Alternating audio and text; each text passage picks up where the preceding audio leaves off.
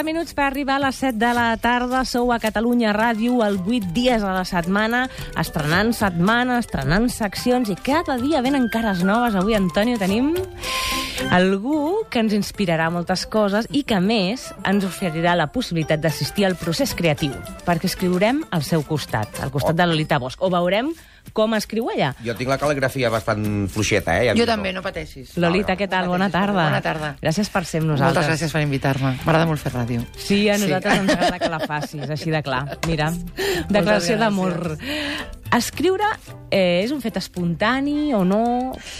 Jo crec que no. Jo crec que escriure és un fet intel·lectual, emocional Mhm. i creatiu. I que, cada, I que si cada porció de temps eh, li dediques a el que es necessita, diguéssim, escriure és millor. És, jo tinc un amic escriptor que diu la, la màgia de l'escriptura és quan aconsegueixes fer una cosa més ben feta que tu, més ben acabada que tu, més enginyosa que tu, més intel·ligent que tu. I per fer això ningú se senta i surt una història, perquè, al contrari, la gent se senta, intenta que li passi perquè sí, i, i la frustració literària és espantosa. Jo ho veig amb alumnes o amb gent i tal, i s'ho passen molt malament, gent que vol fer una història, no sap a qui li ha de preguntar, perquè jo sempre dic que en els col·les, eh, si vols estudiar plàstica et donen una capçada d'ax, i si vols estudiar música et donen una flauta, i si vols estudiar literatura et donen el tirant-lo blanc i et foten la vida en l'aire, diguéssim, perquè t'haurien de donar un paper i un boli. Clar. Haurien d'ensenyar a fer això. I això ningú sap com es fa i ningú s'ho explica. I llavors ja, ja... Però és un procés molt divertit, l'inventar-se un llibre. Crear una història és, és molt divertit. Paper i boli, tu. Ja Paper i boli, ja ho tenim, això, no? Jo ja ho tinc. Vinga, doncs. I una mica d'estructura, podríem dir, o de... Bueno, jo crec que en el cas de lo que jo us venia ensenyant aquí, diguéssim, eren personatges uh, reals que tenen vides que obeeixen en aquella frase que jo sempre odio, que és uh, és més increïble la realitat que la ficció. Sempre és més increïble la realitat que la ficció perquè la realitat és veritat, Mhm. no? I la ficció no. I llavors fa menys mal, o sigui, tens una distància possible. Però jo crec que el que intentem fer quan escrivim, si per exemple busquem algú real, que és el que jo ara us he portat, el que intentem fer és buscar quin tret literari té. I el tret literari vol dir les coses que el fan únic. No? Buscar una mica el que fem els escriptors i les escriptores, diguéssim, és buscar en allò ordinari alguna cosa extraordinària. Perquè jo crec que sabem, en el fons sabem, que vistos molt de la vora, molt de la vora, molt de la vora, tots nosaltres som extraordinaris. Ara t'entenc perquè l'Antonio Torà, que sembla una cosa ordinària, és A mi no, a mi em sembla bastant extraordinari, És molt pel extraordinària. sombrero. Ja, ja, t'agrada molt barret. M'ha agradat molt el barret. Servidor de vostè. I el nom del seu poble també m'ha agradat molt. És de les coses més extraordinàries que he vist en els últims temps. Ara m'ensucrarà, voldrà que li faci el viatge de tornar a casa gratuït. Home, Ja lo mínim, Ja lo mínim. imagino. A mi se m'enganxen els accents, ja ho saps. Jo ho Bueno, a més aquest accent que és una meravella. Jo sóc fan de Lleida Sí, sí, i, i tinc moltes alumnes lleidatanes. És l'original. Catalunya té mil anys, Torà ja hi era. Ja hi era, no? Sí, d'altres ja hi érem. Tu no, per això, eh? Ah, jo no. Vale, vale. Vinga, i quin personatge ens portes Mira, avui? Que és real o no real? Molt, molt curiós, Mhm. i per contextualitzar-vos-la així ràpid, us he de dir que a la primera, quan Alemanya va perdre la Primera Guerra Mundial, Mhm. van passar dues coses per la comunitat negra alemana. Per una banda, pel Tractat de Versalles, Alemanya va, va, va haver de cedir les seves colònies a l'Àfrica, que tenia Camerún, Burundi, Tanzània, Ruanda, països així, els va haver de cedir als anglesos, els francesos i els belgues. I per una altra banda, els, els una zona d'Alemanya que havia estat ocupada pels francesos va tornar a Alemanya. I a aquesta zona hi havia una comunitat negra perquè hi havia soldats de les colònies africanes que havien anat allà i s'havien casat o havien violat a, la, a les franceses. Llavors van sortir, quan va començar la guerra a Alemanya, hi havia 65 milions de persones a Alemanya, entre els quals hi havien els negres es comptaven per mils, o sigui, eren, eren poquíssims. Mhm. On n'hi havia més era en aquesta zona francesa que havien tornat, que es deia Renània. I és molt famós el cas d'aquests 500 adolescents, que es diuen els bastards de Renània, que els van esterilitzar els tots l'any 37 i després els van enviar a un camp de concentració més endavant, quan ja n'hi havia, i els van matar.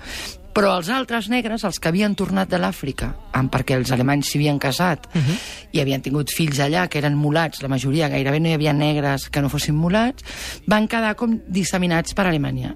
I llavors Hitler, eh, que va pujar a l'any 25, va escriure, a l'any 26, perdó, va escriure Mein Kampf, va dir els negres alemans són una ofensa per a Alemanya, però no els va posar mai al mateix nivell que els jueus, ni els gitanos, ni els homosexuals, ni els comunistes i tal. Aleshores, ser negre, en algunes zones de l'Alemanya on nazi, on hi havia uh, alguns negres, però alguns és que a Hamburg n'hi havia dos, diguéssim, no era un risc de vida, sinó com un entrebanc. La gent se'n reia de tu, però era com ser coix o ser tartamut o tal. Però no els enviaven als camps de concentració. Sobretot perquè no tenien amb qui comparar-los. O sigui, els negres no sabien que eren negres perquè no n'hi havia un altre. No?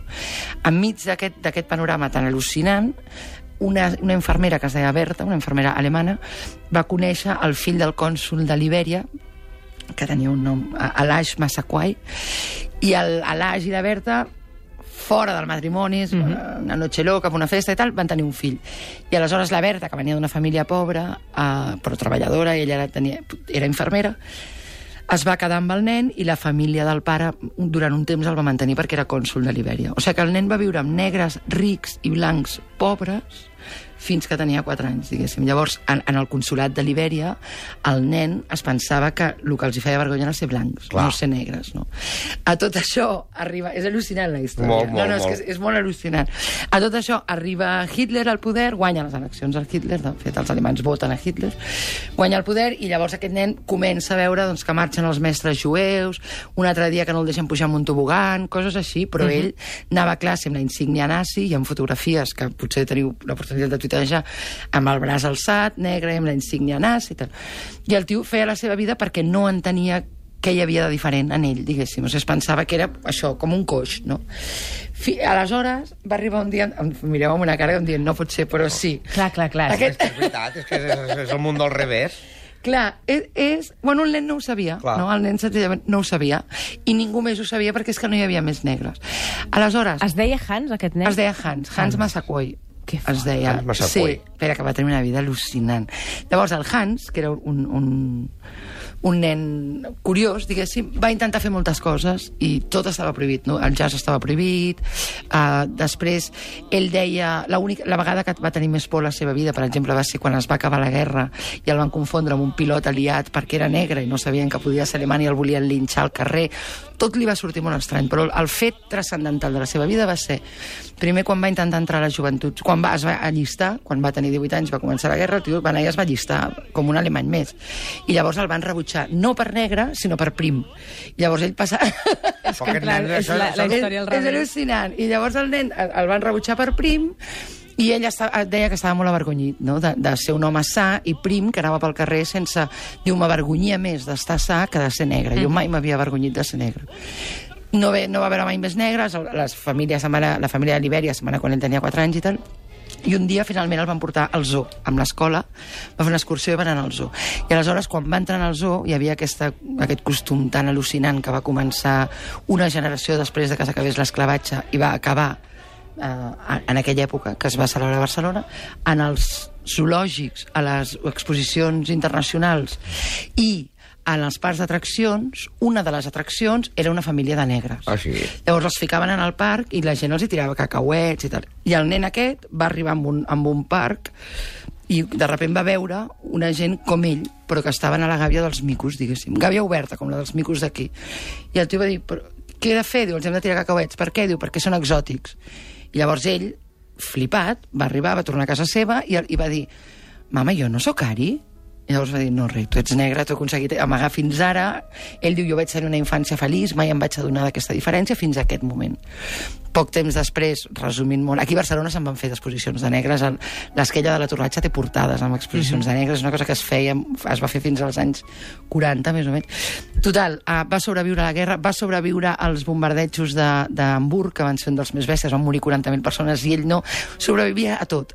I finalment, uh, quan es va acabar la guerra, se'n va anar als Estats Units, va, es va fer músic de jazz, es va fer veterà de la guerra de Corea, li van donar dret, li van pagar a la universitat per haver-se fet soldat, per haver-se allistat finalment, que és el que ell volia, i aleshores va, va estudiar periodisme i va ser l'editor de Ebony, que és la, la revista de resistència dels drets civils americans més llarga. Em mires amb una És que, cara... clar, i ja- fa 5 minuts mai hagués dit que acabaríem aquí. ja quasi No. ho tinc, A ja quasi ho tinc. I aleshores ell va ser de les persones que va caminar amb el Martin Luther King per demanar drets al tal. Habláramos. Eh? La seva història està en un llibre meravellós que es diu Testigo de raza, un negro en l'Alemanya nazi, que, el ven, a, que està editat aquí a Barcelona per, per, per Global Reason. Doncs ja Una ho meravella, la història d'aquest senyor. Cada dijous tancarem el programa amb una història versemblant, mai millor dit. Exacte. La veritat és que ha estat un plaer que vinguessis, Moltes Lolita, de debò. Encara estem atònits. Sí.